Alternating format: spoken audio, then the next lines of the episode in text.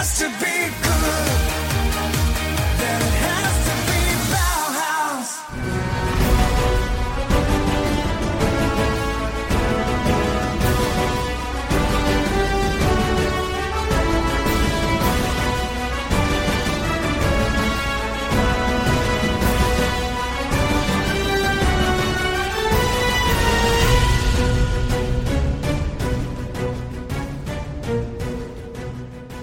Varmt välkomna till Viasat Motors Formel 1-podd.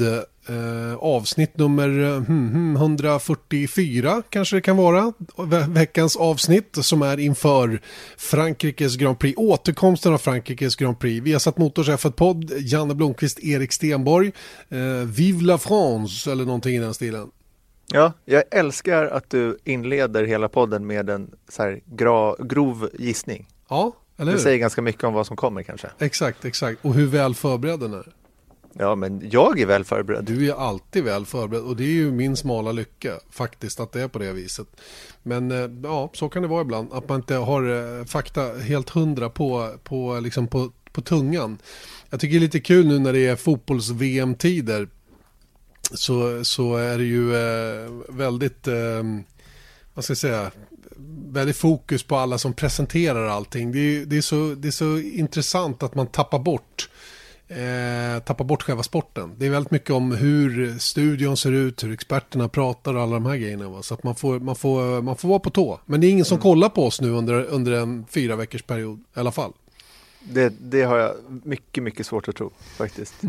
Och ärligt talat, apropå, men det är väl lite sjuka i vårt yrke också, att man tittar på studio och man lyssnar på sådana, de ämnena. Jag vet inte om alla tittar på vad Kroneman eller vad, vem det nu är som skriver om studiodekoren SVT. Liksom. Det, är inte, det ligger oss nära, närmare till hands än för många andra tror jag. Mm, det är lite klubben för inbördes beundran. Eh, och, och det är lite navelskåderi såklart. Va? Men det är alltid så braskande artiklar om det. Så att jag utgår från att det är bra klick på det. För det är väl det Ja, som det styr det om det hamnar högt upp på, på en, en, en, en, en kvällstidnings sida där. Men, Mm. Men du, jag- ja. såg du matchen igår eller? Nej. Jag gjorde faktiskt inte riktigt det heller, så det här blir svårt att, att säga. Men, men jag, folk på kontoret tittade ju, Oj då. de har ju byggt upp värsta, Gjorde de? liksom, så, ja, det, de kollade. Nej men det var ju liksom ingen så här, det var en massa missade chanser, men som jag fattade så var det ingen bra match. Och nu ska vi inte såga, för, för det är inte vårt jobb att Nej, såga fotboll. verkligen Men, inte. men sen så, jag tänker bara på, det är ändå häftigt tycker jag, hur, vilken uppmärksamhet ett VM får. Och det är ju vi då, vi är inte liksom i den här kärnan eller vad man ska säga. Men jag blir helt liksom förvirrad, det är på första sidan att de då vann 1-0 på straff. Och jag, jag ska inte förringa att det är stort, för de vann en VM-match och det var ju jättebra. Men det var ju liksom, jag tycker inte att det hände så mycket. Nej men det gjorde ju inte Ut- det. Utifrån det jag hörde, liksom, Borde de, inte, borde de inte ändra färgen på gräsmattan och dra lite nya linjer och införa lite offside också? jo det borde bli massa knee jerk decisions nu. Eller hur? som. Eller hur? Jag fattar inte. Vad är, vad är grejen? Det blev ju bara Tre, ett tre mål. bollar, tre bollar borde de ha. Sånt där. Ja, vi, ska inte göra för, plan. vi ska inte göra för mycket spö av fotboll. Det är en väldigt, väldigt stark sport och det röner grymt intresse, dock inte från min sida. Och så är det. Ibland eh, tycker man saker är roligare mer än andra. Eh, jag råkade ringa till Fotomange mitt under matchen för jag ville fråga om vi skulle hyra skoter och åka upp till banan med eller inte. Mm. Vad ringer du nu sen? Det är ju fotboll. Jaha, va? Jag med ringde faktiskt också lite samtal till en kille på Viaplay. Det svarade inte, jag förstod ingenting. Men hur som helst, lite nyheter nu kanske, om vi ska börja gå mot Formel 1. Eh, eh, ja, lite Formel 1-fokus ska vi väl ha. Tycker jag, låt, tycker jag låter som en väldigt, väldigt bra idé. Jag vaknade nämligen till nyheten att eh, Red Bull och Honda nu är sant. Eh, till att börja med så var det inte helt hundra bekräftat, men det har blivit det nu under morgonen och förmiddagen när vi spelar in det här tisdag. Eh, samma vecka då som Frankrikes Grand Prix. Och eh, Red Bull har då tagit beslutet att eh, lämna Renault efter 12 år tillsammans så, eh, så går man skilda vägar och istället så hoppar man på Honda-tåget då som man redan egentligen hade tagit in i familjen då tillsammans med Toro Rosso till den här säsongen. Och eh, sett till kommentarerna som har kommit då från Christian Horner och så vidare då, så, så säger han det att vi, vi tar vi går helt känslolöst in i vad vi tar för beslut. Det enda vi frågar oss det är vilka möjligheter har vi att höja oss en nivå. Och det, det har man uppenbart eh, tyckt att man kan göra då tillsammans med Honda då i förhållande till det samarbete man har haft med Renault. Eh, och sen är ju Renault numera ett eget fabriksteam och de har ytterligare en kund i McLaren. Eh, jag tror att det som har dragit är också inte bara att Honda går framåt utan även att man nu blir fabriksteam för Honda på riktigt allvar. Man får full support. Både ekonomiskt så blir det ju en, en fördel såklart va? men också att man får liksom hela, hela Hondas hjärta hos sig på något sätt. Mm, precis av samma anledning som McLaren ville göra samma sak då till säsongen 2015 och då var det lite tidigt. Vi-. Det får man ju verkligen säga och, och eftersom inte problemet var att Honda inte var med från start i det nya reglementet då tappade ju kan man säga ja, åtminstone två år på det. Eh, Men nu har man ju faktiskt repat, repat sig och eh, kommit tillbaka in. Och jag måste säga att när man ser på det eh, nu, när man, för allt blir ju så mycket lättare när man har facit i hand. Men när man tittar på det idag så, så känns ju ett Red Bull Honda-samarbete som någonting som faktiskt kan bli riktigt bra. Sett i den utveckling som Honda gör just nu. Mm. Och dessutom, en grej som man inte ska glömma bort var att dels så kom Honda in ett år senare i reglementet. De fick ju testa och hålla på och i varje fall bänka motorerna och allting sånt där. Men det man vet nu, apropå facit i hand, är ju att McLaren hade väldigt mycket pekpinnar hur de ville ha det hos Honda, vilket kanske inte alltid överensstämde med vad Honda ville göra själva och då blev det väl liksom någon halvdan kompromiss i många fall och det syntes ju på banan. Men dessutom var ju faktiskt Honda ja, hela vägen fram till nästa år. Nästa år är första gången som Honda har två team. Just att köra det, med. sen 2007. Ja, och mycket mera data därav och man kan testa olika saker. Man kan, jag menar, det är ju lite det som Toro Rosso har varit i år, en försökskanin mot Red Bull och det kommer de säkerligen vara även nästa år.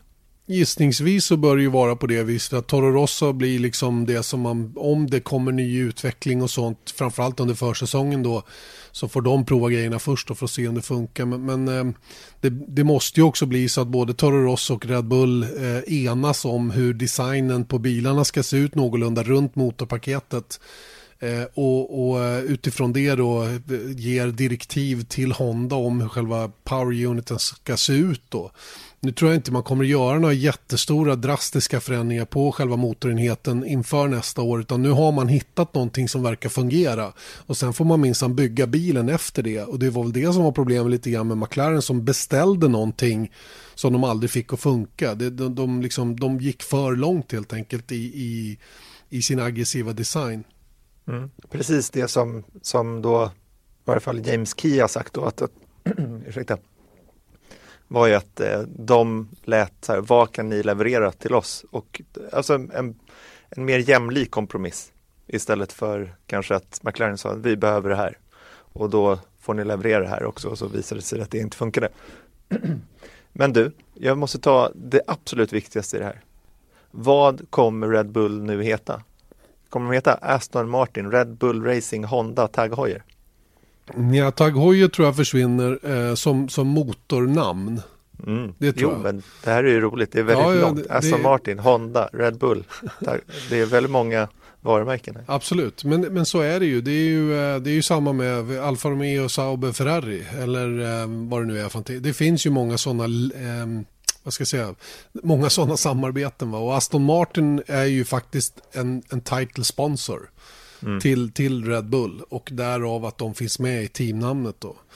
Så att eh, jag tror att Aston Martin, Red Bull, Honda, så tror jag att det kommer att bli. Men Tag Heuer tror jag försvinner.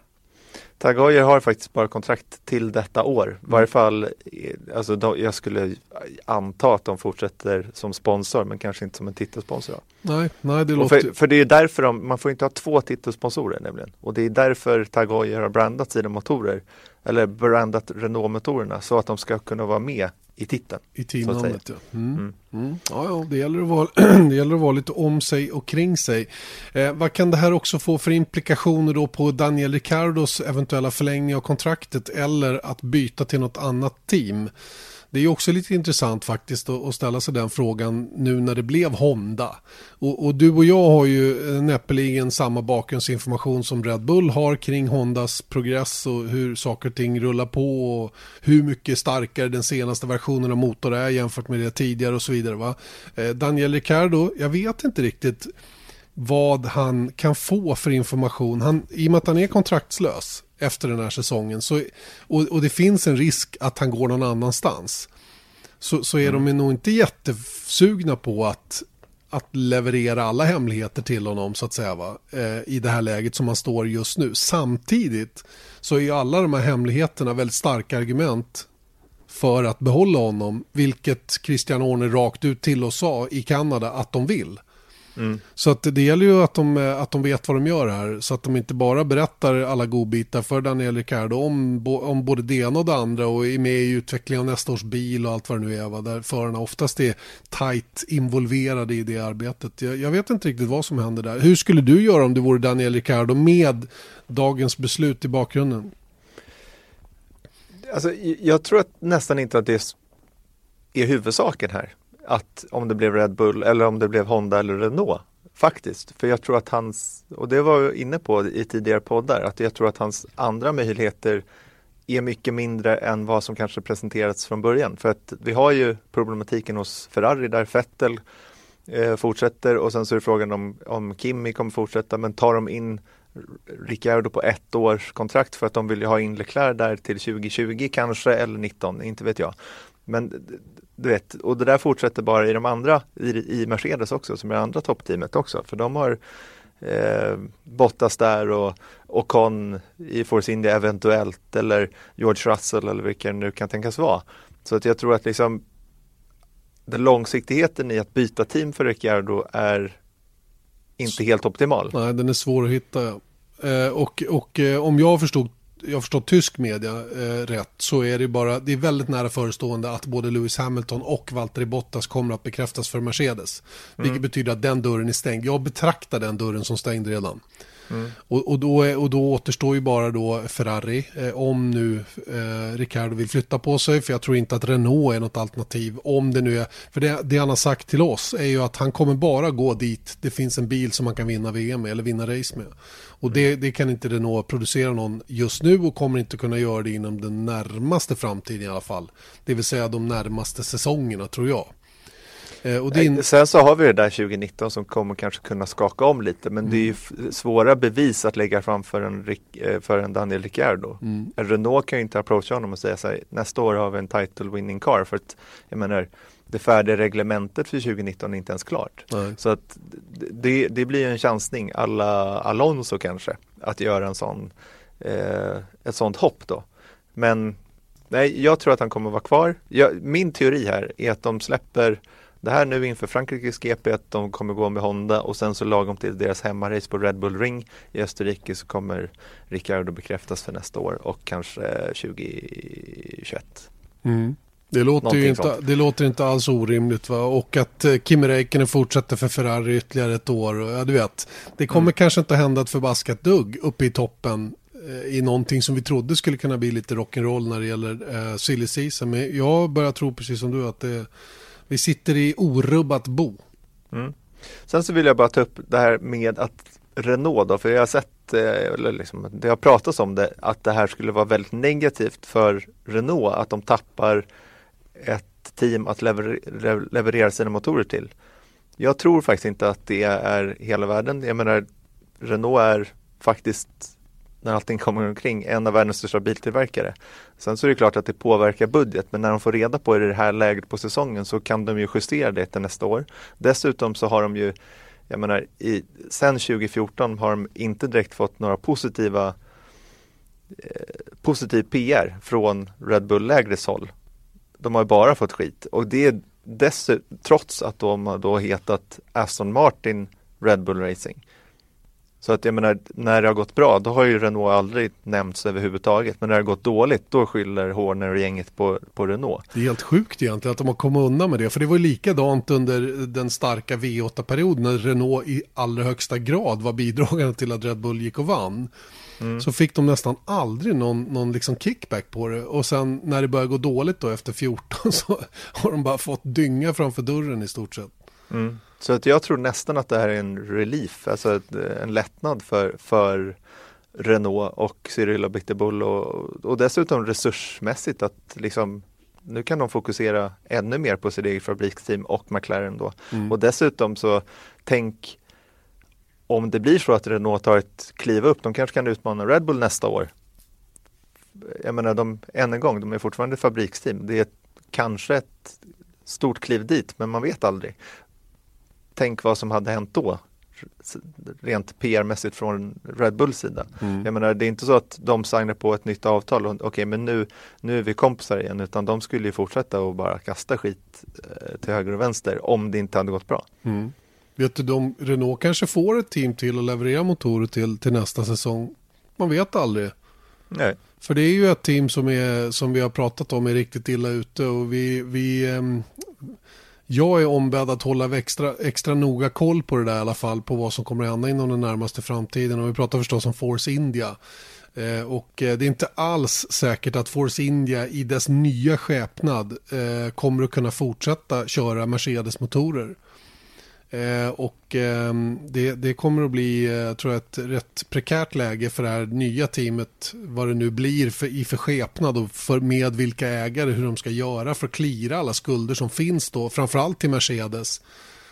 Eh, och, och det här kommer ju få implikationer på en sån som Esteban Ocon till exempel, som då troligen går miste om att flytta upp i fabriksteamet de kommande två säsongerna. För jag tror inte att Valtteri Bottas skriver på något ettårskontrakt, han har i alla fall sagt att han inte kommer att göra det. Eh, och, och sådana saker. Va? Så att, eh, det ska bli lite spännande att se vad, vad framtiden har att utvisa för Force India då och, eh, och vem, som kommer att, vem som kommer att leverera motorer till dem. Mm. Och det har kommit ut, och det vi pratar om också såklart är att Zac Brown har figurerat i de här diskussionerna eller ryktena runt att Force India ska säljas. Ja, och vad kör McLaren med i- Exakt. idag? Det är ju Renault såklart. Och jag menar, skulle det bli så att det blev, det är inte alls säkert att det blir så, men att det skulle bli som ett dotterteam till McLaren, vilket faktiskt Zac Brown har pratat om den här veckan, är att det är en negativ aspekt i deras situation nu att de inte har någon de har ingen stoppa Lando Norris i till exempel, nej. F2-föraren. Men är McLaren med på det här köpet i någon form, då kommer de ju köra Renault skulle jag tro det finns i alla fall eh, stor anledning att, att, att snegla åt det hållet för deras del i alla fall, sett till hur situationen ser ut just idag. Det är lite kul där med Landon Norris, för viss, vissa medier har rapporterat att tre team skulle ha varit ute efter hans tjänster eh, hittills och eh, vi vet ju att det åtminstone har, har tagits kontakt mellan Toro Rosso och McLaren runt omkring Lando Norris. Sen, sen har jag motstridiga uppgifter om vem som har tagit kontakt med vem här. Men jag tror att det, det, är liksom, det jobbas nog rätt hårt från McLarens sida att, äh, att få in Lando Norris, eller att få in honom tidigare än, än det verkar bli då i Formel 1. Eh, men samtidigt är McLaren inte det minsta sugna på att släppa honom som free agent, va? vilket Toro Rosso hade närmast krävt om de skulle ha tagit in honom. Mm. Och då, Ja. då går de ju miste om en väldigt stark talang då. Ifall Fernando Alonso nu då, det, det ska vi inte gå in på nu för det ska vi ta lite senare. Men om han då väljer att ta steget över till Indycar till 2019. Eh, nu har vi kommit från spåret lite grann här, men, men huvud, huvudgrejen här är ju alltså att Red Bull och Honda samarbetar från och med 2019 och det har vi ju gått igenom tydligt och noggrant. Jag tycker vi släpper hela den grejen just för tillfället. Vi får ju anledning att återkomma till det här i vårt magasin inför Frankrikes Grand Prix och sådana saker och även under kommande helg. Nu är det roligare att prata om eh, Frankrikes Grand Prix. Ja, återkomsten. 2008. Återkomsten. Magnus Just det. Kor, Just det. Paul Ricard. Paul Rickard ja, första gången sedan 1990 som han kör på den här banan. Och du, ehm, du, ehm, du har ju lite koll på det här stället och framförallt bakgrunden till det. Ja, men det släpper vi också för nu Ja. hoppar du hej vilt. Du, du har ju inga, alltså, det kanske är att ditt golv, som Ja, du sa lutar. precis innan, vi, det lutar så du kanske ser lite snett och sådär i, i, i min lista. Det är ingen Just idé att jag gör de här listorna om du inte kollar igen. Nej, jag vet, jag vet. jag vet. Ja. Jag ber om Ja. ursäkt. Jag ska försöka hålla mig till, till vårt schema här. Ja, men nu går vi in i historiens första trippelheader i Formel 1. Alltså, tre helger i rad blir det Formel 1 racing. Nu är det midsommarhelg, så att man alla är lediga, till och med på fredagen. Ja. Och Så man kan säkert, titta på träningar och sånt. säkert ingen fotbollsmatch som pågår då heller. Är det det på fredag? Nej, jag har ingen aning. Det är väl fotbollsmatch hela tiden.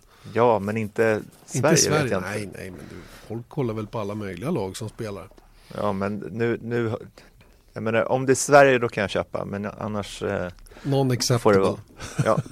Men du, hur jobbar du nu inför den här, jag menar resschemat är ganska intensivt för dig. Du kommer inte stanna ute i Europa utan du åker ju till exempel fram och tillbaka. Ja, det gör vi. Det var på tapeten faktiskt att, att, eh, att resa direkt från Frankrike till Österrike, från Österrike direkt till Silverstone och sen hem då. Men, men eh, av lite hemmalogistiska skäl, jag, jag kände inte att det skulle funka och vi, Mange och jag som, som, som reser mest ihop då tillsammans, vi tog ett snack om det här och, och eh, kom fram till att vi ville nog hem och sova två nätter i egen säng trots allt.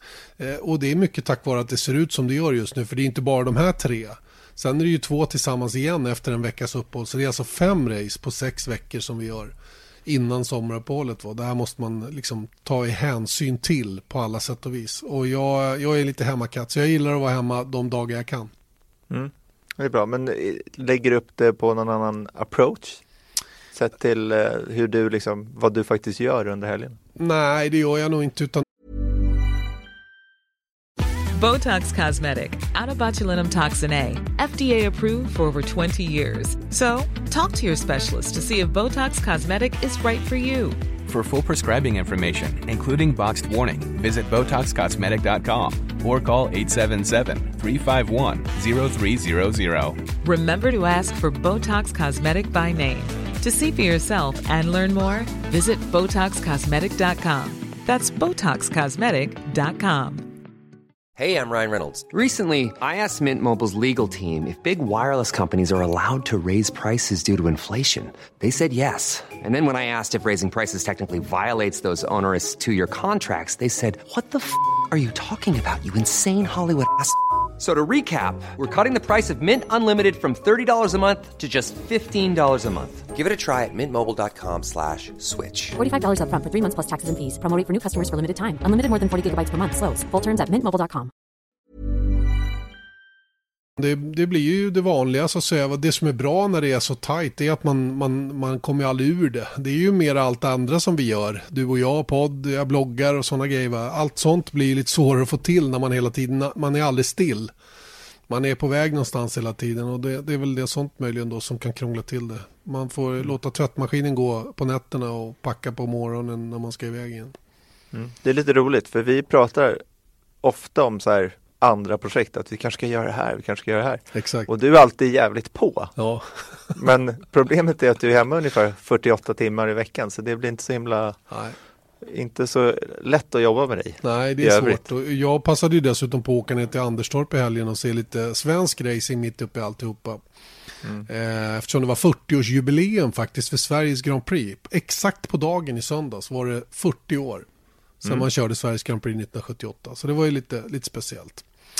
Eh, och eh, ja, så jobbar jag i alla fall. Jag far och flänger kort och gott. Det är ju bara att åka. Jag är sjukt orolig för det här med att ta mig upp till banan. Jag har gått och gruvat mig för det här hela tiden eftersom jag vet hur det ser ut på väg upp dit och, och jag vet också vilket tryck det kan vara. Jag vet hur det ser ut till exempel i Belgien där jag nästan missade ett GP2-lopp eller om det var Hette det F2 förra året? Jag har inte glömt. Jo, det hette Ja, F2 förra året. Ja.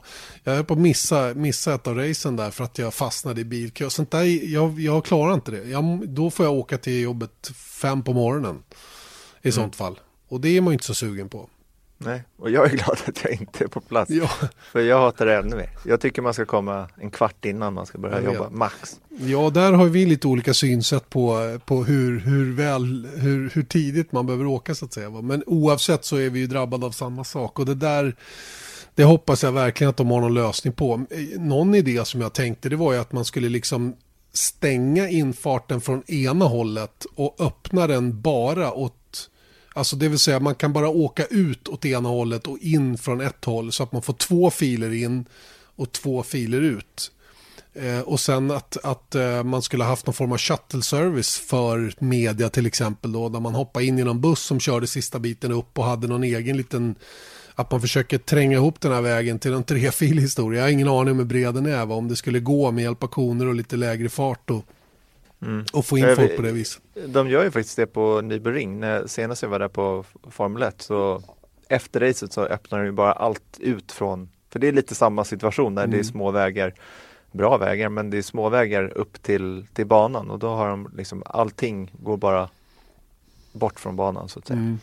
Men hur som helst. Du, du har varit på Polycard tidigare, två gånger har det visat sig. Två gånger, precis. En, jag tror det var samma år, baske mig. kan vara 2004 båda gångerna. Jag jobbade med ett tv-program som hette Mera Motor en gång i tiden och då var vi på något uh, mobilett-grejs och, och spelade in någonting med Mercedes SLR och, och då var, var David Coulthard där för han körde för McLaren Mercedes på den tiden och skjutsade mig i den där Mercedes SLR runt banan faktiskt. Jag tror inte vi åkte hela banslingan för det finns ju några stycken.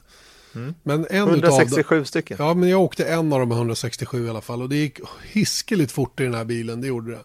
Men det, det är enda gången jag liksom rent praktiskt har varit ute på banan. Sen var jag där faktiskt när, när Toyota, undrar om det var 2004 eller om det var tidigare, 2000, Toyota hade sin launch i alla fall, lansering av sin, det årets bil eh, på Paul Ricard. Och eh, det, det kan ha varit 2004, men det kan ha varit något, något år före eller efter också. Jag minns inte riktigt. Men det är de gångerna jag varit där. Och, och tyvärr så minnesbilderna är lite gråa sådär över allting. Va? När jag var där och, och åkte på banan med, med Coltar, då bodde vi på hotellet tvärs över gatan. Och det, det hade ju varit bra om vi hade satt det löst, men eh, det tydligen inte. Du, vilken känga. Ja, men jag, jag fick en känga av dig på Instagram häromdagen att mi- mitt kontrakt inte riktigt är förnyat ännu för 2019 nu när vi har förlängt våra sändningsrättigheter. Då blev jag Ja, genast exakt. orolig. Exakt, ja, men det är ju förhandlings... Jag kanske är på väg ut. Alltså. Man vet aldrig, du ska, aldrig, du ska inte sitta säker. Det är det, är, det, det, är det, sämsta, det är det sämsta man kan göra, att man tror att man är, att man är liksom självskriven. Att Då låta- slutar man leverera. Exakt, att låta folk tro att de sitter säkert, det är inte bra.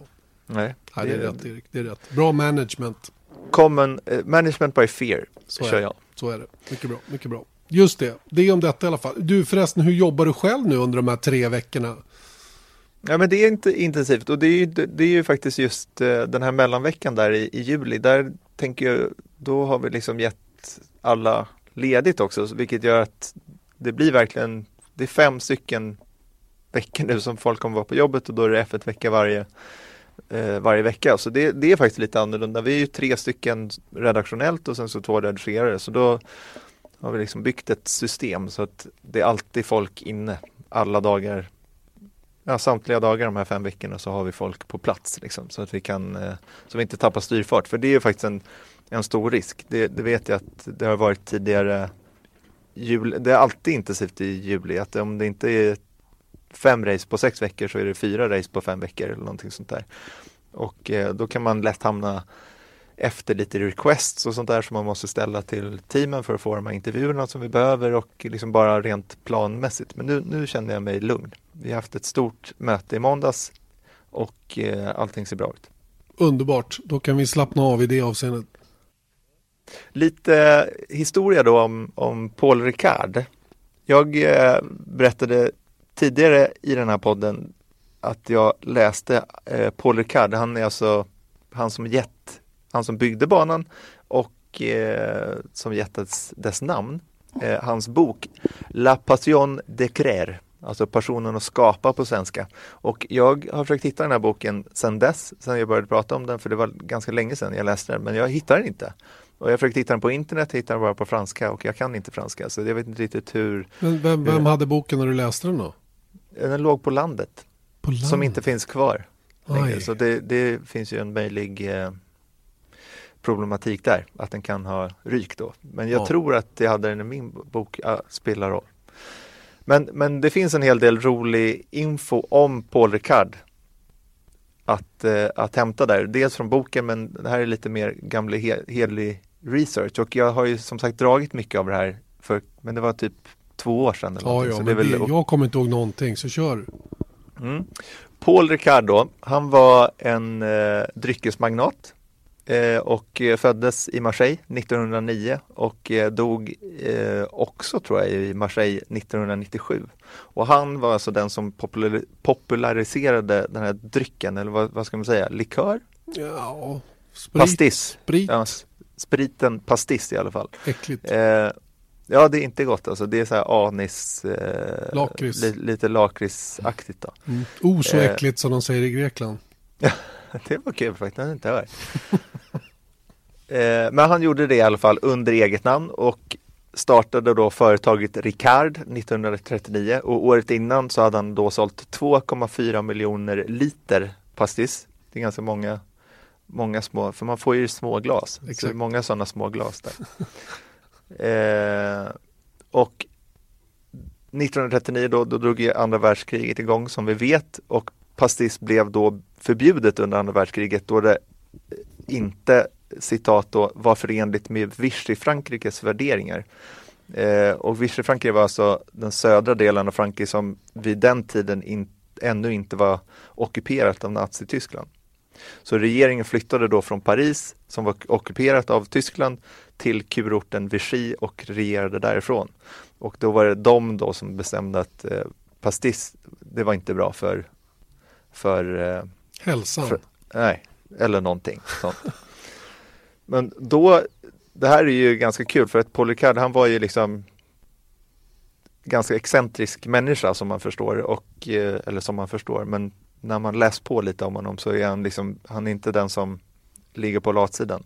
Så det han började göra då var att experimentera med risodling och lyckades med hjälp av sina kunskaper då i destillering ta fram en form av alkohol från körsbär och plommon som fungerade som drivmedel som man då gav till franska motståndsrörelsen under kriget då. Och sen så återupptog han då företaget efter kriget och Ricard gick då ihop med Pernod 1975. Och Pernod Ricard är ju nu ett av världens största spritbolag och de äger bland annat Absolut Vodka. De har tagit våran sprit alltså. Ja, Känns det är inte det. bra. Känns inte Nej. alls bra. Tagit, tagit, de har väl betalat för sig. Ja, det hoppas jag. Dyrt. Jag kan inte svara på det. Du får researcha lite mer här tror jag. Men Paul Ricard också, han var också något av en så här reklampionjär och det blev förbud mot att annonsera för alkohol 1951 i Frankrike men då satte han då fart med, han var liksom en föregångare till det här och det ser man igen idag att branda restauranger med Ricard-loggan. Man gav liksom klockor, spelkort, glas, eh, budbilar och, och sånt då var brandat med Ricard då för att nå ut med sitt varumärke istället. Och han fatt, fattade också, han var också en pionjär inom sportsponsring. Så han var faktiskt Tour de France första kommersiella sponsor. 1948. Det är lite coolt. Det är lite Ja coolt men det är lite så här att han såg, vänta nu, folk kollar på sport. Och om vi sätter vår logga på sport, då kommer folk titta på vår logga. Liksom så. Och jag menar det var väl liksom in på 60-talet egentligen som man började ha riktiga sponsorer i Formel 1. Var det ja. inte så? Ja, typ. Det var väl Gold Leaf Lo- Lotus där som var Mm, mm. Ja, men det, lite det, föregångare då började det. varumärken synas på bilarna, precis. Mm. Men Paul Ricard han var, han var snabbare då. Mm. Och han hade så att säga många järn i elden. Han- Han var så här mark eh, han, han köpte öar som han exploaterade då. Han producerade film. Han var miljökämpe för Medelhavet. Han blev borgmästare av en liten stad som heter Signy. Eh, precis i närheten av Paul Ricard faktiskt. Eh, och framförallt, det här är en Formel 1-podd, trots allt byggde han Circuit Paul Ricard. Och jag har försökt ta reda på varför han gjorde det där. För jag tänkte liksom, var det här någon så här, att han ville köra själv? Men det är oklara, oklar information i den frågan. Så att en anledning kan vara att han ville nå ut med Pastis då, eller Ricard. Eh, just på grund av det här reklamförbudet som vi pratade om tidigare. Eh, en annan teori som jag hittade var att han var tjurig på fransk statlig byråkrati och ville visa att privata företag kunde bygga vägnät snabbare och effektivare än staten. Och vägnätet var då under statlig kontroll i Frankrike under den tiden. Men oavsett så byggdes då eh, Paul Ricard på rekordfart. Han tog in arkitekter för att rita den här banan men de hade liksom ingen koll på, på motorsport så han var inte alls nöjd med bansträckningen. Så då tog han in eh, franska förarna Henri eh, Pescarolo och Jean-Pierre Beltoise Och sen fick han ihop den här banan då från scratch på tio månader. Och den var liksom dåtiden sett hypermodern och hade dessutom Frankrikes största privata flygplats. Just det, just det. Så det säger lite om Paul Ricard, vem han var som person, även om man inte har hört om honom tidigare. Så en rätt cool typ känns det som. Så när kom Formel 1 dit första gången? Första F1-racet kördes 1971 och då vann Jackie Stewart eh, och François Sever kom på andra plats. Snyggingen. Så, ja, han var ju cool alltså. Ja. Det är så, alltså det finns en bild på François Sever. Vet, för först hade han en cool hjälm och sen så de här isblå ögonen liksom, Mm. som stirrar rakt in i kameran. Jag vill ha den bilden på väggen.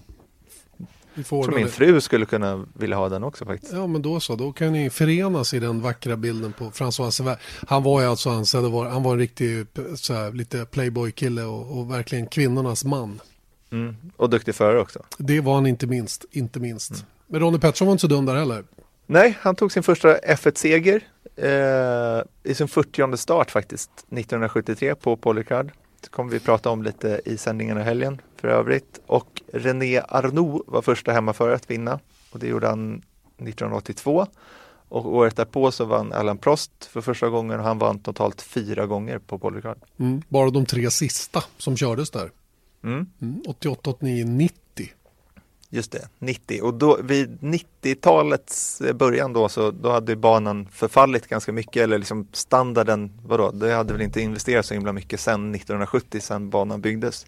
Och då eh, flyttade istället då Frankrikes Grand Prix till Magny-Cours till 1991. Eh, Som då var helt nybyggd. ja, precis. En fantastisk anläggning faktiskt som de fick till där mitt ute på franska landsbygden. Ja, mitt emellan allting. Det var långt till allt. Mm, exakt, och det var väl lite, det är ju lustigt faktiskt att Paul Ricard inte heller, vad är det, två timmar från Marseille eller någonting sånt där. Nja, Kanske in- inte är så länge. Inte så långt är det ju inte, men, men det, är en, det är en bit till ära och redlighet på något sätt. Och det är det som är så konstigt eh, med franska banor rent allmänt, att de hamnar så långt ifrån allting. Men då, eh, då kördes inte Formel 1 på Paul Ricard, men in kom då Excelis Company, om man uttalar det så. Och det är ett företag då som äg, ägdes av, äg, ägs eller ägdes av Bernie Eccleston och de köpte då banan 1990 1999. Och den stod klar eh, under namnet Paul Ricard High Tech Test Track 2001.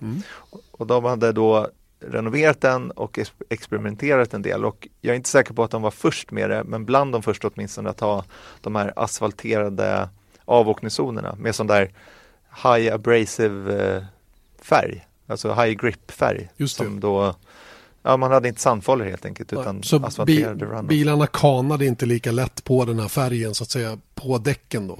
Man fick stopp på bilarna snabbare och det var det som var, var tanken också. Mm.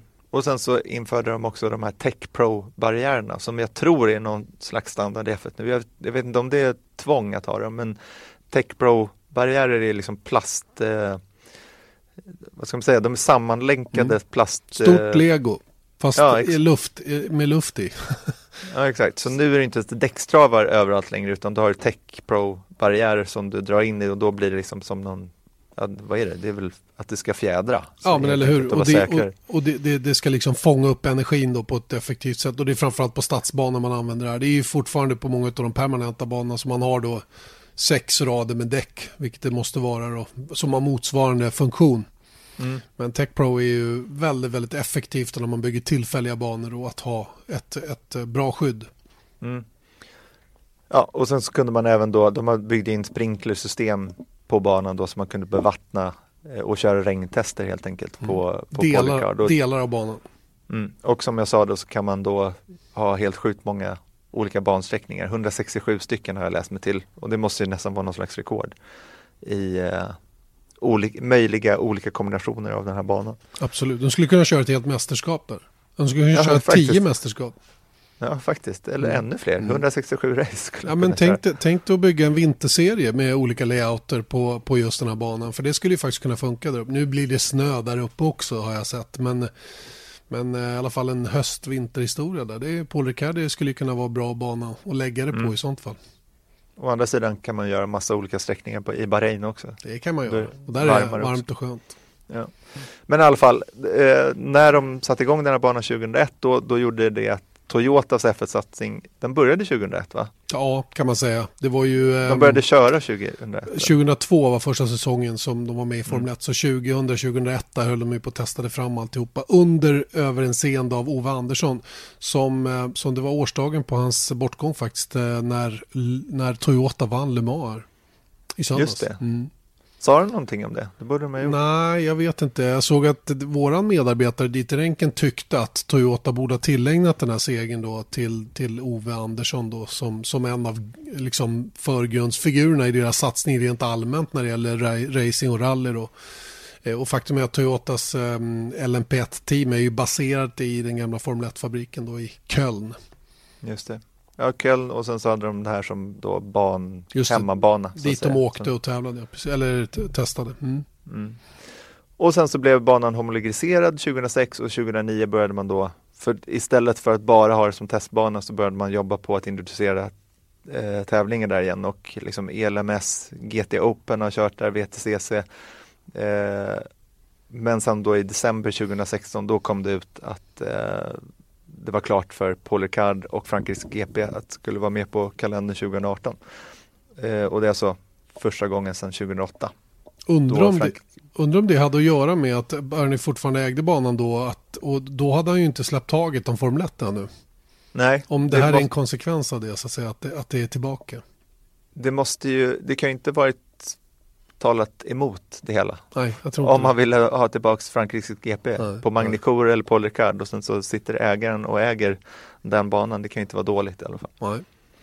Nej, jag, jag är lite tudelad kring, kring åt att man ska köra just på Paul Ricard. Magny Cour var ju fantastiskt va? men, men ehm, det hade ju lite andra logistiska bekymmer. Och det, det, det där kommer att vara ett problem för fransmännen rent allmänt med att ha ett Grand Prix. Det är att det, det är så dåligt ordnat runt omkring så att säga. Va? Vilket var anledningen till att det försvann från kalendern efter 2008 då. Om det är svårt att dra runt det där på ett bra sätt. Man kör ju Formel E i Paris.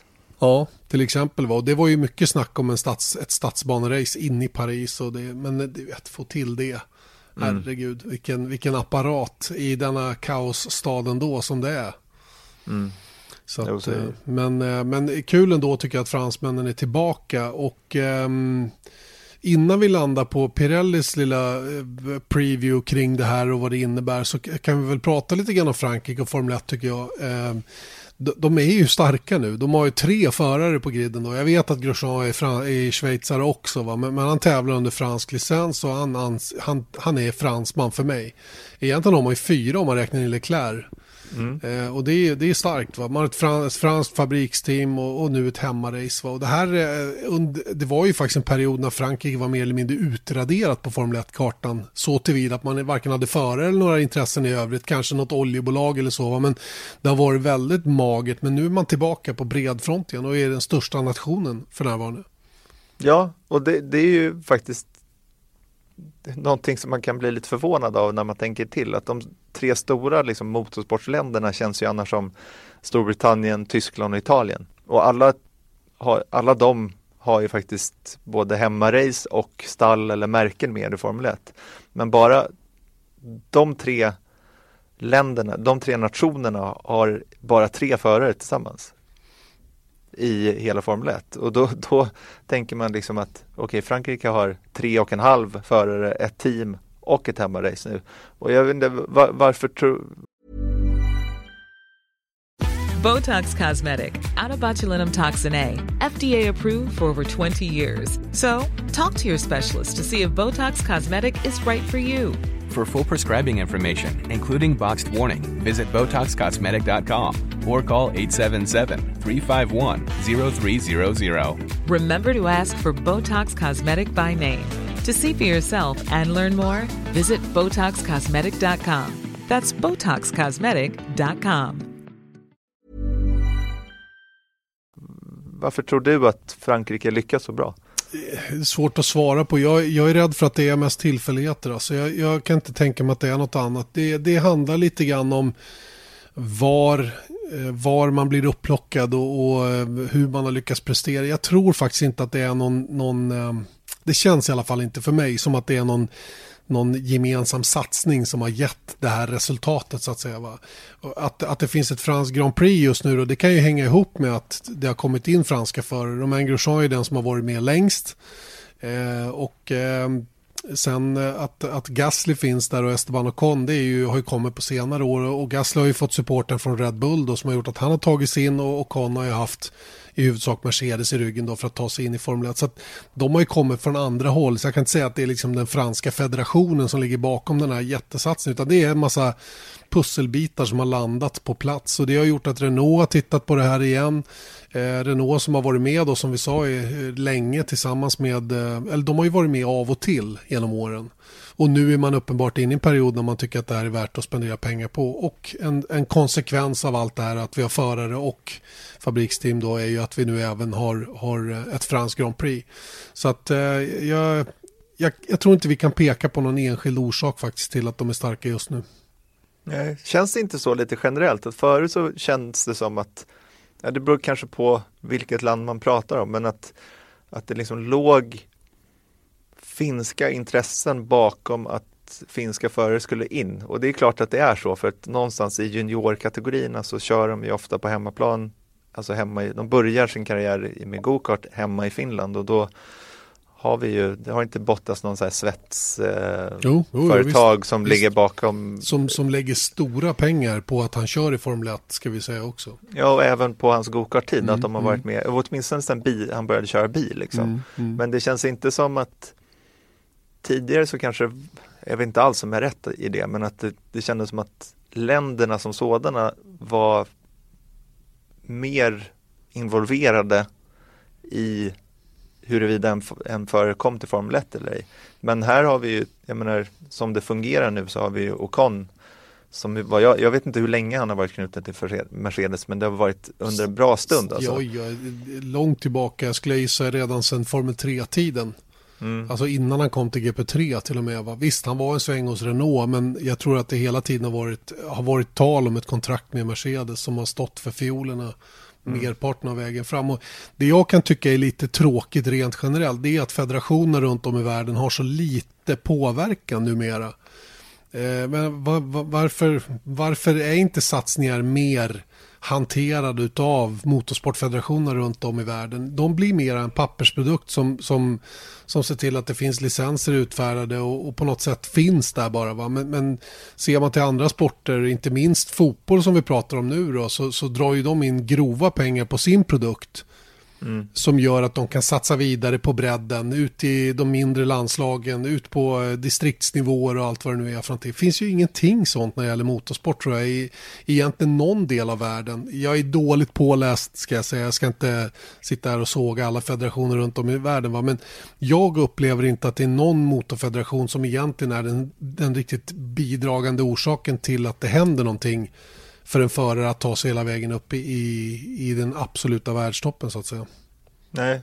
Sen så ett annat perspektiv då, och jag håller med dig i stort i det du säger, men samtidigt då om man tittar på pengarna som krävs för en person för att ta sig upp i GP2 bara. Jag menar det är enorma summor pengar.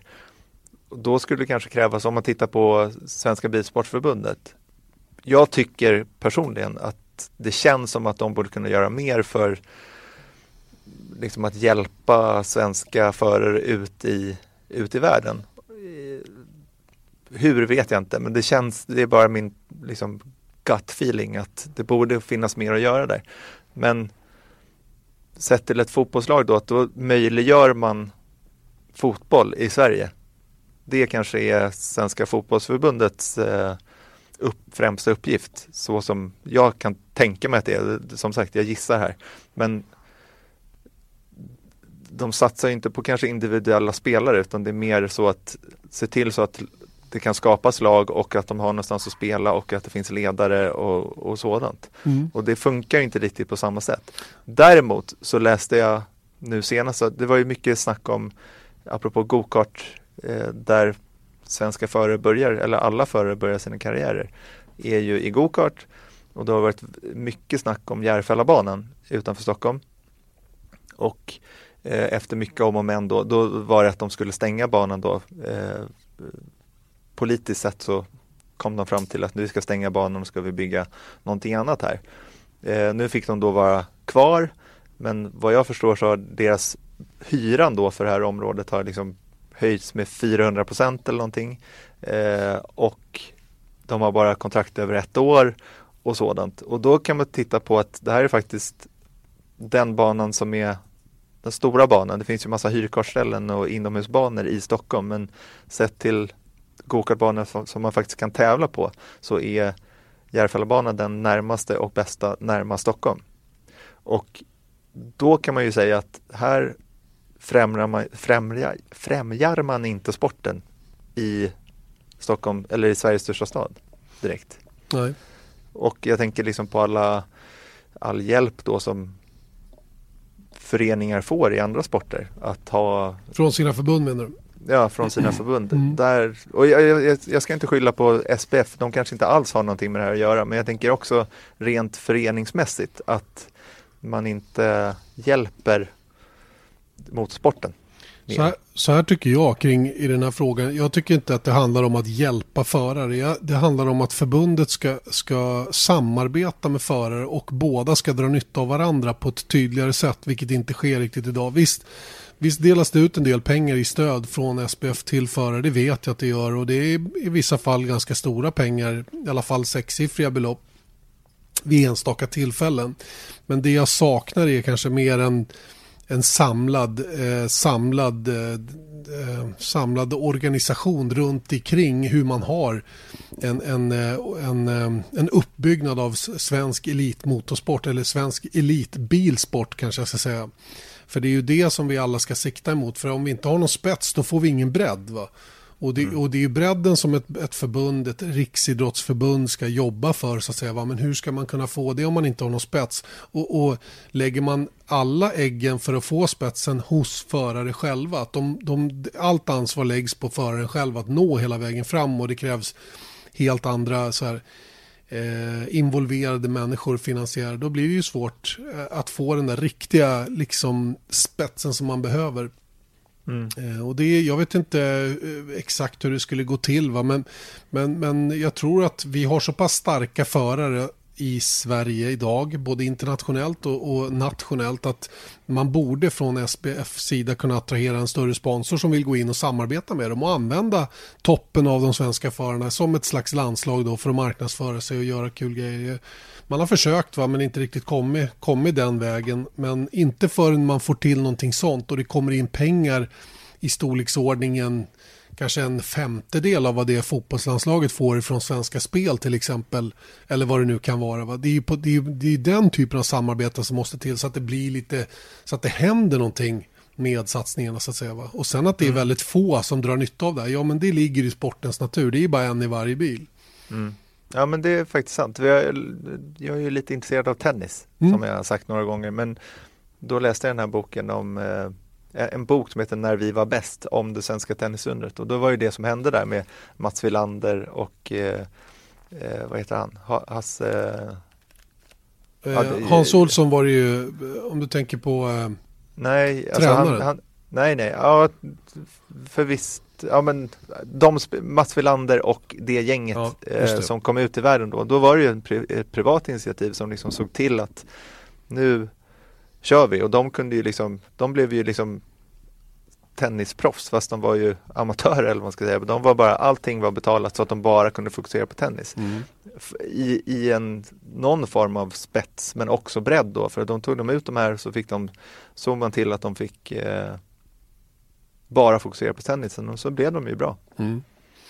ja, ja, ska, man få till, ska man få till spets så, så krävs det pengar och får man till spetsen så får man till bredden. Mm. I'm Bra. damn sure. Mm. All right, det om detta då. Frankrike är väldigt duktiga i vilket fall som helst. Eh, ska vi komma tillbaka lite grann till Frankrike, Frankrikes Grand Prix och lyssna till vad Pirelli har att säga om det här racet då som alltså är då återkomsten på Paul Ricard. We are back to France after a long period. The circuit is uh, quite well known because we use it a lot for testing. Obviously, yeah, also with Formula One, but a lot with the GT and other uh, classes.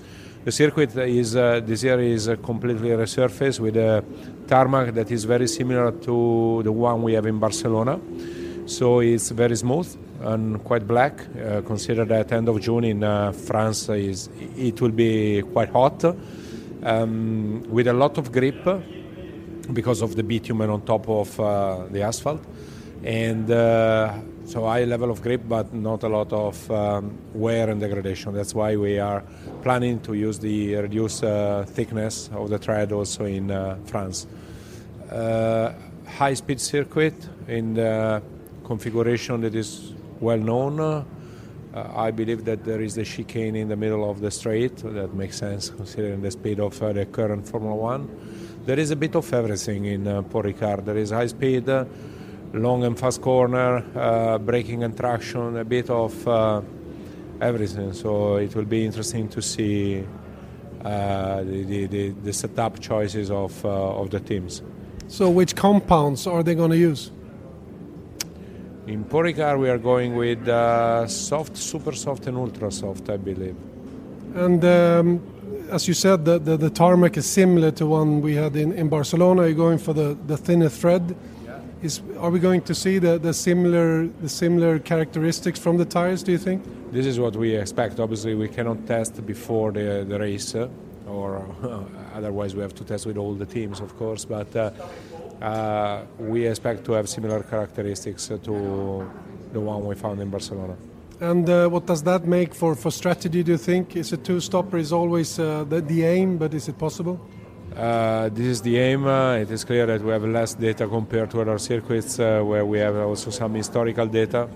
So i- it's really a guess. We are quite aggressive in the selection, uh, but uh, to predict the number of stops and the strategy, yeah, we, we made some assumption in terms of delta lap time degradation and so on, but uh, we need to confirm this on Friday, and Friday will be will be the key, especially FP2 will be the key for the teams to understand uh, the performance and degradation of the three compounds. Mario Isola där alltså, Pirelli Motorsports eh, högste chef om förutsättningarna inför den här helgen då, där man alltså tar tillbaka den här lite tunnare slitbanan då. 0,4 mm, låter ju så löjligt lite så att man undrar ju om det ens påverkar, men det gör det uppenbart och eh, det fick ju rätt stora påverkningar på saker och ting i Spanien. Det ska bli intressant att se om det blir så i Frankrike också. Eh, Sauber 2019 kanske är en bra kombination. Vad säger du? Ja, det var Fred Vassör säger i alla fall. Just. Saubers teamchef. Jag läste den eh, artikeln också då om att han, han ser det som ett perfekt tillfälle för Sauber att de här nya reglerna implementeras då. Speciellt som att man håller på och bygger upp en ny teknisk organisation då. Eh, lite grann ofrivilligt då med tanke på att eh, Jörg Sander då tvingades lämna teamet eh, helt abrupt under pågående säsong då. som man tagit in den här Simone Resta istället va. Men helt klart är väl så att man kan jobba hårt mot 2019 nu och får man rätt, eh, får man alla referenser klara nu och a- allt det som man behöver veta kring det nya reglementet snart så, så finns det ju alla, alla möjligheter för Sauber att ta ytterligare kliv till nästa år. Där har han ju faktiskt rätt Fred Vassör. Ja, och det har han ju sagt också att vi eh, sitter inte och eh, väntar för länge. Till motsats från faktiskt William som säger att de vägrar ge upp årets bil. Men det kanske de måste säga för att det går så fantastiskt dåligt för Williams. Men medan då ehm, Fred Vassör har sagt att vi kommer inte sitta alldeles för länge och eh, fokusera på 2018 när vi känner att vi har större möjligheter till 2019. Sen, sen tror jag att mellan Williams och Sauber är det en avgörande skillnad också. Sauber har ju råd att hålla på längre med 18 och jobba med 19. Det tror jag inte Williams har. Eh, sen pratar med lite fler folk faktiskt just kring Williams och det, det blir allt tydligare. Nu kom- kommer vi in på dem direkt här, men det blir allt tydligare hur, hur kaosartat det verkar vara ledningsmässigt i Williams för närvarande va? och det, det hjälper ju inte till. Eh, men, men ehm, om vi landar tillbaka på, på 2019-reglerna så, så är det ju en, lite knepigt där hur, ehm, hur man har tryckt igenom några förändringar här som, som snabbt måste implementeras då för att få till bättre omkörningar. Ja, och det- man ska veta då är att liksom, på det stora hela så har teamen koll på vad det är som sker men det finns fortfarande liksom okej, exakt så här kommer reglerna se ut. Det är fortfarande inte satt. Eh, och det har börjat florera snack då om att Aero-reglerna som till 2019 kommer liksom att motarbetas av teamen då de kommer pusha som satan för att hitta annan aero som kan radera ut det positiva med den nya framvingen. Ungefär så va? Mm, jag, jag tror exakt att det är så. Jag, jag tror inte det finns någon bildesigner som ens funderar på att de här förändringarna som görs till 2019 ska främja omkörningar. Utan man kommer att jobba i rakt motsatt riktning givetvis va? för att få den bästa tänkbara aeron som man kan få utifrån de givna förutsättningarna. Och det, är ju, eh, det ligger ju i sakens natur på något sätt. Va? Det är ju ingen som... Men, men det tråkiga är ju att man inte ens i det här läget då när det här ändå har godkänts av de, de teamen. Ja, det röstades igenom inte med hel majoritet då för det behövdes inte vid det läget. Men, men att man ändå inte liksom... För Ross Brono var inne på att varför bygger vi inte bilar som kan ligga i trafik och köra? Mm. Det är fortfarande ingen som tänker så. Och det är ingen som kommer att tänka så. Inte förrän det står så i reglerna typ. Nej, och det, men det är det där som jag tycker, det är väl ingenting att vara förvånad över för att det är ju precis det som är deras uppgift, att bygga den snabbaste bilen, inte den som är bäst att köra om. Jag Mm. menar, det, det har det varit. Och sen så är det då, om det inte står i reglerna, hur mycket ska man anpassa bilen så att den går att följa varandra? Ja, men hur långt är ett snöre då? Mm. Jag menar, det är ju liksom, det de måste ju fokusera på, alla teamen fokuserar på att göra det här snöret så kort som möjligt. Medan då det är Fias uppgift eller, eller Formel 1 uppgift då att försöka pusha så att det blir så långt istället. Och jag menar, så, jag menar det är ingenting att vara förvånad över. Så, och det är inget nytt. Jag menar, det, har ju Formel 1, det är så Formel 1 fungerar. Mm, verkligen. Och, och, eh, ja, det, det ska bli intressant faktiskt att se vad, vad de här förändringarna får för, för eh, så att säga, påverkan på saker och ting till nästa år. Och, och om det gör så stor skillnad som det är sagt att göra. Man har ju sett lite sådana här, eh, vad ska vi kalla det för, 3D simuleringar av hur bilarna kommer att se ut i nästa år och hur framvingen kommer att vara förenklad och hela den här grejen. Då. Men jag är rätt säker på att man kommer att komma runt de här eventuella problemen som uppstår med att, eh, att göra om reglementet. Men eh, frågan är hur lång tid det tar bara. Man har ju hört siffror, siffror på att tar de bort eh, 45% downforce så har de hittat eh, 25% av det redan innan säsongen startar. Bara under försäsongen. Mm. Det som jag ändå känner lite så här, för att det man vet idag är att framvingen står för så enormt mycket av den totala downforcen som bilen genererar. För att allting styrs, liksom, det landar ju, det är ju längst uppström så att säga, eh, framvingen, så allting annat styrs av det. Och när den blir förenklad och kanske inte har den här outwashen som vi pratade om, eh, då kanske det blir åtminstone bättre. Även om de hittar eh, den totala downforcen så kanske den inte är lika beroende av framvingen så att säga. Och vilket kan göra att även om de hittar 25% igen, då kanske den ligger på andra ställen som kanske inte, jag gissar liksom det, men som kanske inte är lika beroende av fri luft framför. Nej, att, den, att det är mera man hittar den downforcen under bilen då istället från eh, framvingen då. Mm. Eh, och Fred Vassör som vi var inne på då har menat att det, det, här- de här nya reglerna kommer i perfekt tidpunkt för Sauber då. Man har ju fått in den här nya Simone Resta då som, som kommer från Ferrari och ma- man kan inte låta bli att tänka att den där värvningen ändå hade rätt mycket med det samarbete som finns mellan Sauber och Ferrari fortfarande att göra va? med tanke på att han så, så geschwint gled över till Sauber. Mm. Han ska alltså börja första juli, det är bara en månad efter att han då, drygt en månad från att han lämnar Ferrari då tills att han börjar hos Sauber och det är ju inte ens en karantän som det heter utan det är ju bara, det är en semester snarare än någonting annat skulle jag tro. Och så säger, det är lite roligt i den artikeln som vi refererar till här, så säger ju, får ju Fred Vassör frågan om att, så här, men var det svårt att få över honom? Och då säger han så här, he wasn't too difficult to sign. Nej. Och det säger väl någonting om det här samarbetet mellan Alfa, Ferrari och Sauber. Just det, som är tight givetvis då, Alfa Romeo som har kommit in då som, som title sponsor och Ferrari då som, som står för en, en stor del av det tekniska på bilen, framförallt bakom föraren då och bakut. Det vill säga motor, växellåda, hjulupphängningar bak och så vidare.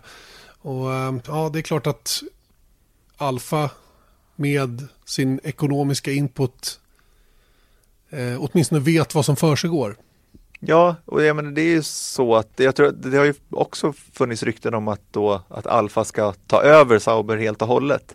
och det tror jag fortfarande, det har vi pratat om tidigare, men jag tror fortfarande att det är överdrivet i det relativt korta perspektivet. Men det är klart att Alfa, som du säger också, och därmed Ferrari har viss kontroll eller inflytande över vad Sauber företar sig då, då de liksom betalar jättestora summor för marknadsföringen av teamet och pengar brukar ju i sin tur betyda kontroll eller inflytande trots att det inte är ett rent ägandeskap av Sauber idag då. Mm. Inflytande tycker jag är ett bättre ord än kontroll. Eh, för det är precis det det handlar om tror jag. Att man, har, man, man vet lite mer vad som händer och man har i alla fall något att säga. Man kan, man kan finnas med i diskussionen. Och sen ska vi väl också vara ärliga och säga att, att Alfa är Ferrari. Mm. Det är samma företag och det är samma alltihopa. Mm. Eh, och det är ju mycket sånt som gör att Simone Resta så enkelt kan komma över till, till Sauber då, från Ferrari då. Sen, sen vet jag inte om det fanns någonting annat bakom också då. Jag är rätt säker på att han redan jobbar för, för Sauber faktiskt, även om det är officiellt det är första juli som man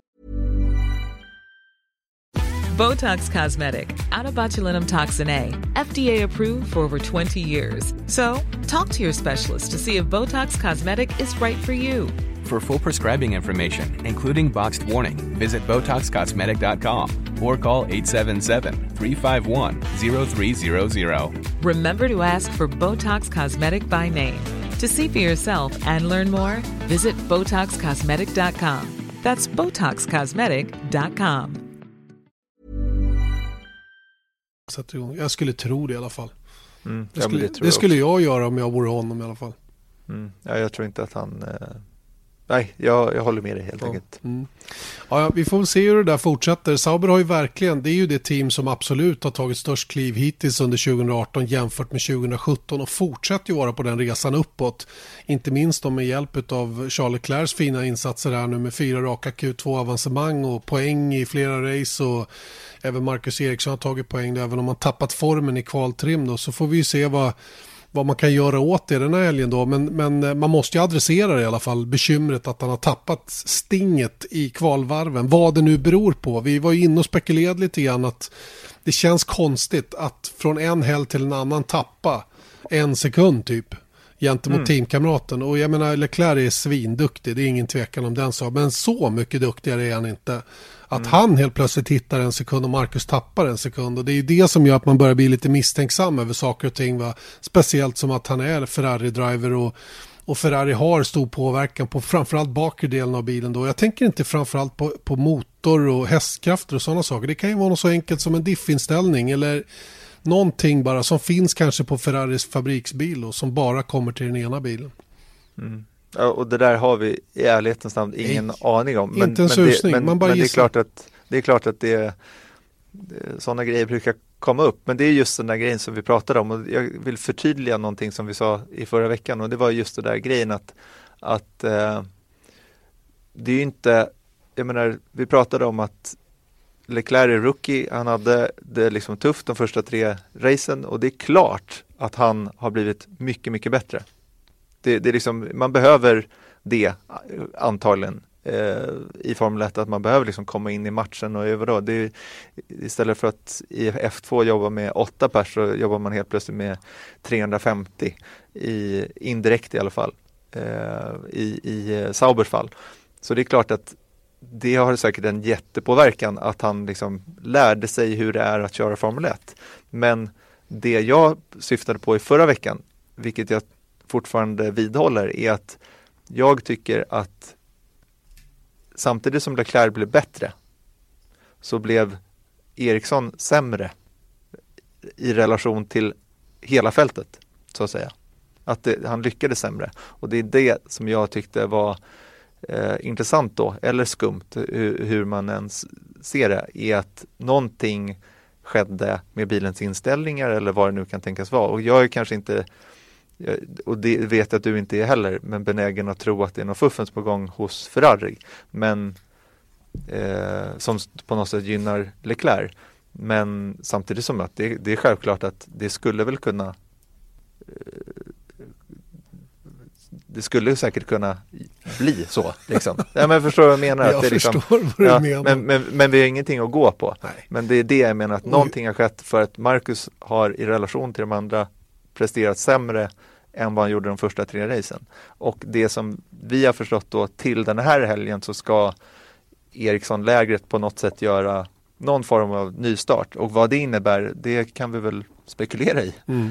Eh, men det känns ju som att som vi också var inne på förra veckan att de kanske går tillbaka så att säga. Vad var det som funkade de första tre helgerna som inte funkar nu? Och om det nu är vad gäller hur bilen gick i uppdateringar eller vad det nu skulle tänkas vara, det vet inte jag. Men, men det känns som en bra väg att gå, eller? Ja, vad, har de något att välja på, ärligt talat? Och eh, jag, jag känner väl eh, att eh, man, man måste börja adressera problemet. Och jag vet ju hur mycket som man faktiskt kan läsa ut av datagrafer och så. Det är bara att lägga killarnas varv på varandra så syns det ju väldigt, väldigt tydligt var tiden försvinner. Det syns ju direkt. Och, och eh, kan man då adressera det till ett visst, ett visst område i körningen och vad det nu är för någonting och sen börja titta ännu noggrannare på hur jobbar den bilen med inställningar just i det avseendet och så vidare. Vad Är det någonting som kan appliceras på den andra bilen? Hur mycket hänger ihop med körstil? Och sådana saker. Va? Hur förbereds däck och så vidare. Va? Transparensen finns ju där. Det borde inte vara helt omöjligt att, att liksom ta hjälp av varandra för att totalt som team ta steg framåt. Va? Ehm, för, att, för att återknyta lite grann till det, till det vi var inne på innan här, och, och Ferraris vilja att det ska gå bra för Charles Leclerc, ja den är ju avsevärd givetvis. Va? Det hade ju varit katastrof om det hade fortsatt som säsongen började för Charles Leclerc. Hela deras program hade ju varit bara pannkaka överlag.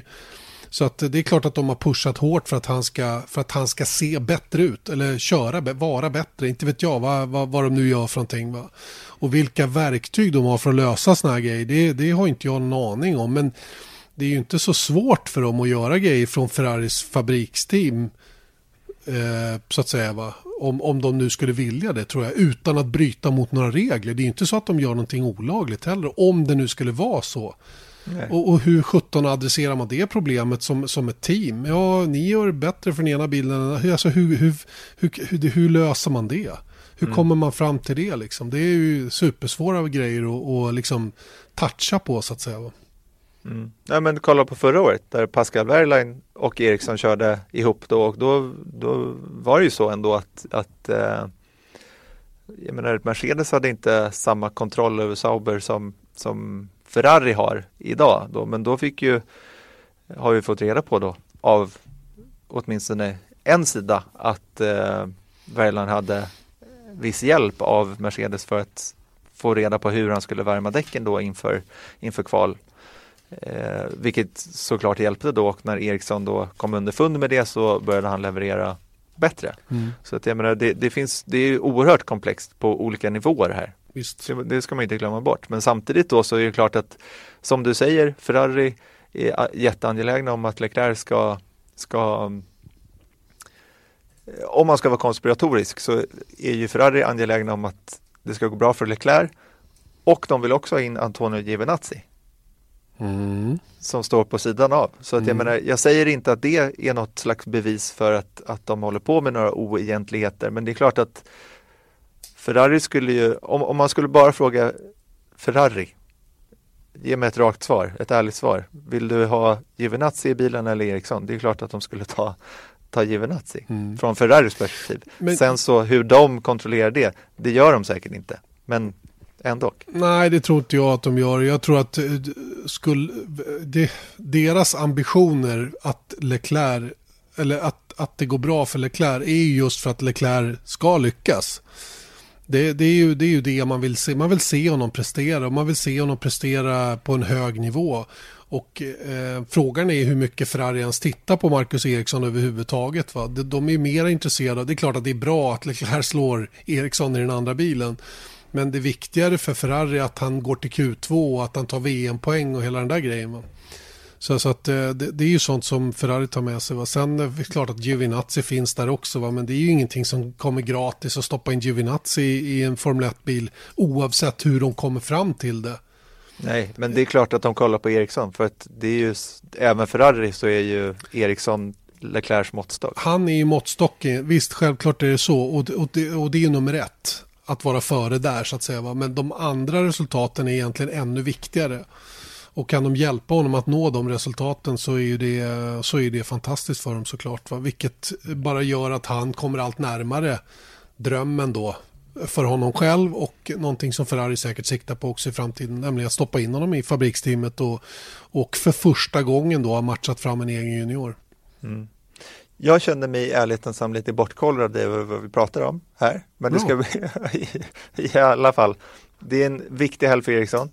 Mycket viktigt. Nu ska han ta en annan approach i alla fall på helgen och det ska bli superintressant att följa den i helgen och jag, jag eh, är spänd av förväntan för att se hur det ska sluta. Är det inte så också att vi i våra sändningar ska försöka få en, liten, en bättre bild av vad det är som skiljer?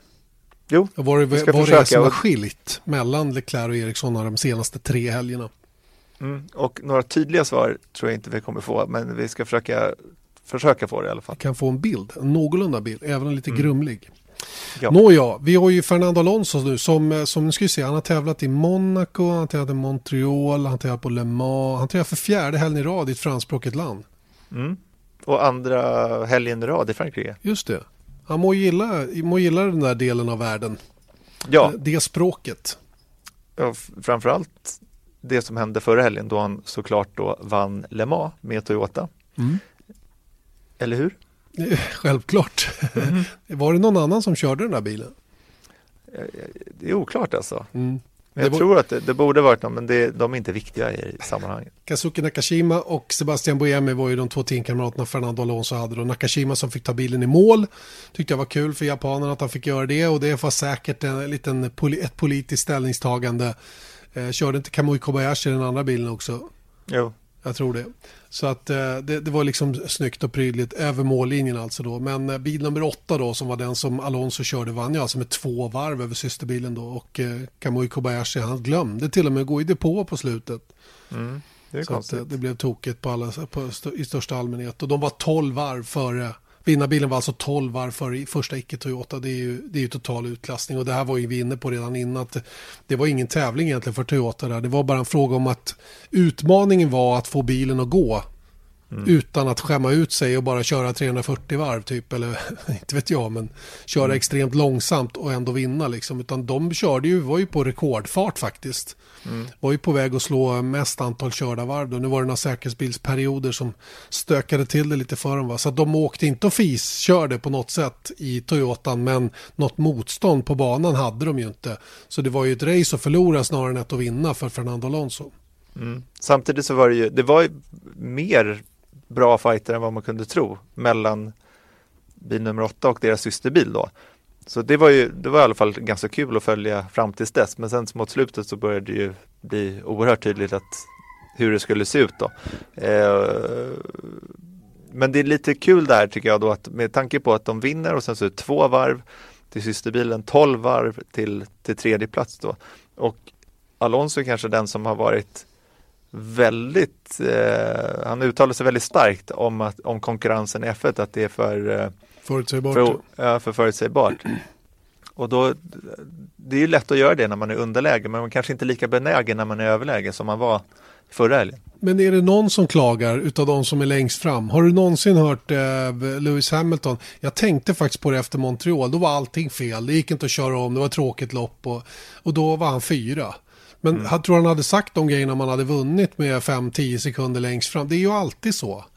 Det I Monaco var det samma, samma Precis, precis. Va? Det, där är, det där är ingenting att ta fasta på överhuvudtaget. Utan det kommer alltid vara så att den som är längst fram den tycker allting är perfekt, ändra ingenting. Mm. Alla som ligger och jagar där bakom har alltid någonting som inte är bra. Mm. Punkt slut. Verkligen. Det är faktiskt en ganska kul film på f1.com då. Då gör de den här, heter det Grill the Grid? eller Ja, just det. Just det. Eh, ja, men nu är det i alla fall Haas-förarna, eh, Romain Grosjean och eh, Kevin Magnusson. Och apropå det, vi pratade om tidigare, då får de frågor. Eh, då får svara sant eller falskt då på. Och då får de en fråga om att så här, har du någonsin ljugit för en teamkamrat? Och Kevin bara, eh, after every practice, every qualifying, every race, eh, all the time, all the time, säger han. Liksom att han, han då in, att han ljuger då för Grosjean. Vilket är ganska kul. Och dessutom då så, så eh, har du någon gång skylt på att, att bilen har gått sönder när du själv har gjort ett misstag. Och båda säger då att det är sant, det har de båda gjort då. Så att det är ju lite, det, det är samma, Eller Eriksson. ja exakt och det är faktiskt ganska kul. Eh, ja men kolla på den filmen Mm, för han, han, han kommenterar den här eh, situationen med Eriksson, Blame Eriksson i. Baku. Just det. Eh, vi kan väl prata lite grann om Fernando Alonso tycker jag och det här varumärket han har. För det det är, ju, han är, otro, det är otroligt starkt. Alltså, den rapporteringen som var runt Fernando Alonso på Le Mans när alla ändå visste att det var ju liksom förutbestämt att han skulle vinna. Toyota, det enda anledningen till att han körde där var ju för att han skulle vinna med dem. För maximal PR-utväxling så att säga. Och ändå rapporterar man som om det vore någon liksom jättehändelse. Det var, man kunde ju, jag följde det bara slött med ena ögat för att se att inte bilen gick sönder. Det var ju det enda jag var intresserad av. Att han, nu fick de en 60 sekunders tidsstraff för att Boemi körde för fort under en slow zone. Eh, och han körde ju då en monster nattstint där han körde i kapp hur mycket tid som helst igen på, på den andra bilen och, och ville inte kliva ur bilen och allt vad det nu var. Va? Så som det rapporteras i alla fall. Men, men jag kan inte se det på något annat sätt. Att bil nummer åtta var den som skulle vinna. Och det, man, kan inte, man måste tycka nästan lite synd om den andra bilen som bara var med för att supporta på något sätt. Ja, men det är ju hela grejen här, men det är faktiskt oerhört speciellt vad hela väck nu har lyft sig i skinnet för att se till så att Alonso kan köra. Jag menar, de ändrade kalendern för att anpassa efter F1 då, så att han skulle, det inte skulle krocka med hans förehavanden och sådant. Eh, jag menar, hans varumärke är sjukt starkt, men jag, vet, jag kan inte svara på varför. Det är klart att han är en jätteprofil, men liksom, är det någonting som man kan liksom sätta fingret på, förutom visst, han är en tvåfaldig världsmästare, men det är just, jag tycker det är bara coolt att tänka sig att han vann alltså VM 2006 senast. Det är ganska länge sedan. Det är väldigt länge sedan. Och ändå så liksom, det finns inga tvivel om hos någon egentligen att han är så här, ja men han är bästa föraren på griden kanske. Och så vidare och så vidare tillsammans med Hamilton och Vettel kanske då. Men, men eh, jag menar, jag tror många andra förare hade liksom avpoliterats av fans också när man inte liksom vinner VM-titlar, man vinner inte race och jag menar, tänk den här, jag visst han har bevisat i McLaren sett jämfört med van Dorn då att han är en starkare poängplockare och han kör, han vrider nacken av eh, McLaren-bilen han kör och sådant. Så det visst bevisar han sig fortfarande men att varumärket som sådant är så oerhört högt är ändå ganska speciellt. Mm. Det är imponerande med tanke på de uteblivna resultaten kan vi nästan säga då. Han har ju varit nära VM-titeln tre gånger till efter de där två. Men, men, men eh, de har ju inte kommit trots allt. Va? Och, och, eh, vi kan ju dra en parallell med Kimi Räikkönen till exempel som vann VM året efter Fernando Alonsos senaste VM-titel. Ungefär lika gammal, till och med lite äldre och eh, har ju också ett starkt varumärke men av en annan anledning. Va? Så att, eh, det, det är spännande med de här gubbarna som, som är sådana starka profiler trots allt. Mm. Och i Kimis fall är det dock, då har han blivit slagen, varför, inte i Lotus, men när han kört Ferrari senaste gången då så har han ju faktiskt blivit slagen varenda år. Så att det är ju klart att eh, då, då tappar väl lite förarmässiga varumärket såklart mer än att Alonso kanske har slagit den andra då. Men, men det, ja oavsett, mycket speciellt. Ja, och nu är det den stora frågan då att vinsten på, på Le Mans 24 timmars här nu då som är nummer två då i The Triple Crown. Han har ju vunnit två gånger i Monaco. Eh, går han till Indycar, vilket är ett allt starkare rykte då att, att, eh, att Fernando Alonso nu lägger ner Formel 1-körningen och för att full tid satsa på att vinna Indy 500 då genom att köra hela det mästerskapet så att säga. Och det är till och med så att McLaren pratar om att dra igång ett team eh, för, att, eh, för att vara med i Indycar och, och möjliggöra detta då. Vi, vi får väl helt enkelt se, men det är inget långskott längre i alla fall. Nej, det tror inte jag alls. Samtidigt så då, jag, min magkänsla säger fortfarande att jag tror att han kanske låter någon annan köra första året om McLaren då går in med ett eget team. Det är klart att de kanske går in med Andretti liksom, så att det är fortfarande det kanske är något samarbete, de kanske inte drar igång ett helt eget team så att säga. Men ehm, det, det beror nog på på vilket sätt de går in i Indycar om man är där redan nästa år. Jag skulle ändå kunna tänka mig att om de har planer på att göra ett helt eget team, även om man då köper mycket delar i Indycar, så tror jag att han kanske är benägen att köra Formel 1 ett år till. innan han går till eh, Indycar på heltid. Han kan köra Indy nästa år. Mm. Och ser om det funkar så kanske han slipper gå till Indy. Förstår du? Ja, jag, jag fattar. Jag fattar. Och ger Formel 1 en sista chans då under, under 2019 att, att eh, liksom... Man vet ju aldrig. McLaren kanske kommer på bättre tankar och bygger en bättre bil till nästa år. Jag har ingen aning. De har, ing- det är inget större fel på motorn nu i alla fall. Nej. Ja, om du frågar Red Bull så är det det. Men Just det. Huvudnyheten i veckans podd att Red Bull och Honda kör tillsammans då från och med 2019. Red Bull som redan har Honda-motorer i sitt systerteam då, eh, Toro Rosso. Men nu blir det alltså två Honda-team för första gången då, sen vad sa vi, 2007-2008 när eh, Super Aguri var systerteam då till Hondas fabriksteam på den tiden. Eh, har vi något att tillägga? Vad har vi för sändningstider? Det är lite annorlunda tider i helgen ja, men de där finns på, jag tycker vi hänvisar till Vi har satt Motors e- Instagram.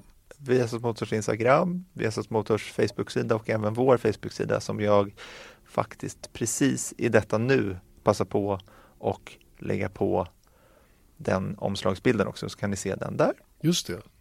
Men det är lite senare än normalt för att vara ett Europarace. Det kan vi avslöja i alla fall utan att gå in i detalj på det. Så att, eh, håll koll på tablåerna om allting som händer. Roliga reportage i helgen. Max Verstappen. Mm, tittarfrågor. Ja, ja, de vill vi ha in ja. Mm. Var skickar man dem då?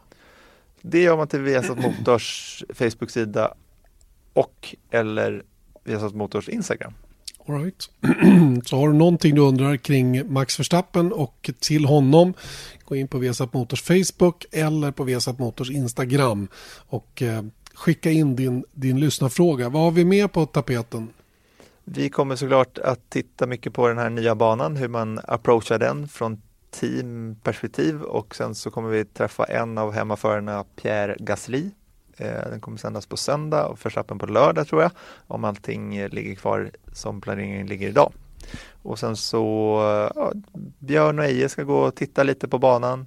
Eh, vi gör lite historik runt den och såklart eh, Red Bull Honda ska vi försöka snacka om och sen så titta på eh, Erikssons kval gentemot Leclerc då såklart. Mycket bra, mycket bra. Ser fram emot alltihopa detta. Det ska bli kul. Jag drar imorgon bitti. Tidigt som 17 för att vara där på plats ordentligt i tid. Lycklig resa du. Tack snälla du. Vi hörs i poddsammanhang om en vecka igen. Yes. Ha det gott. Vesat Motors F1-podd presenterades av byggvaruhuset Bauhaus.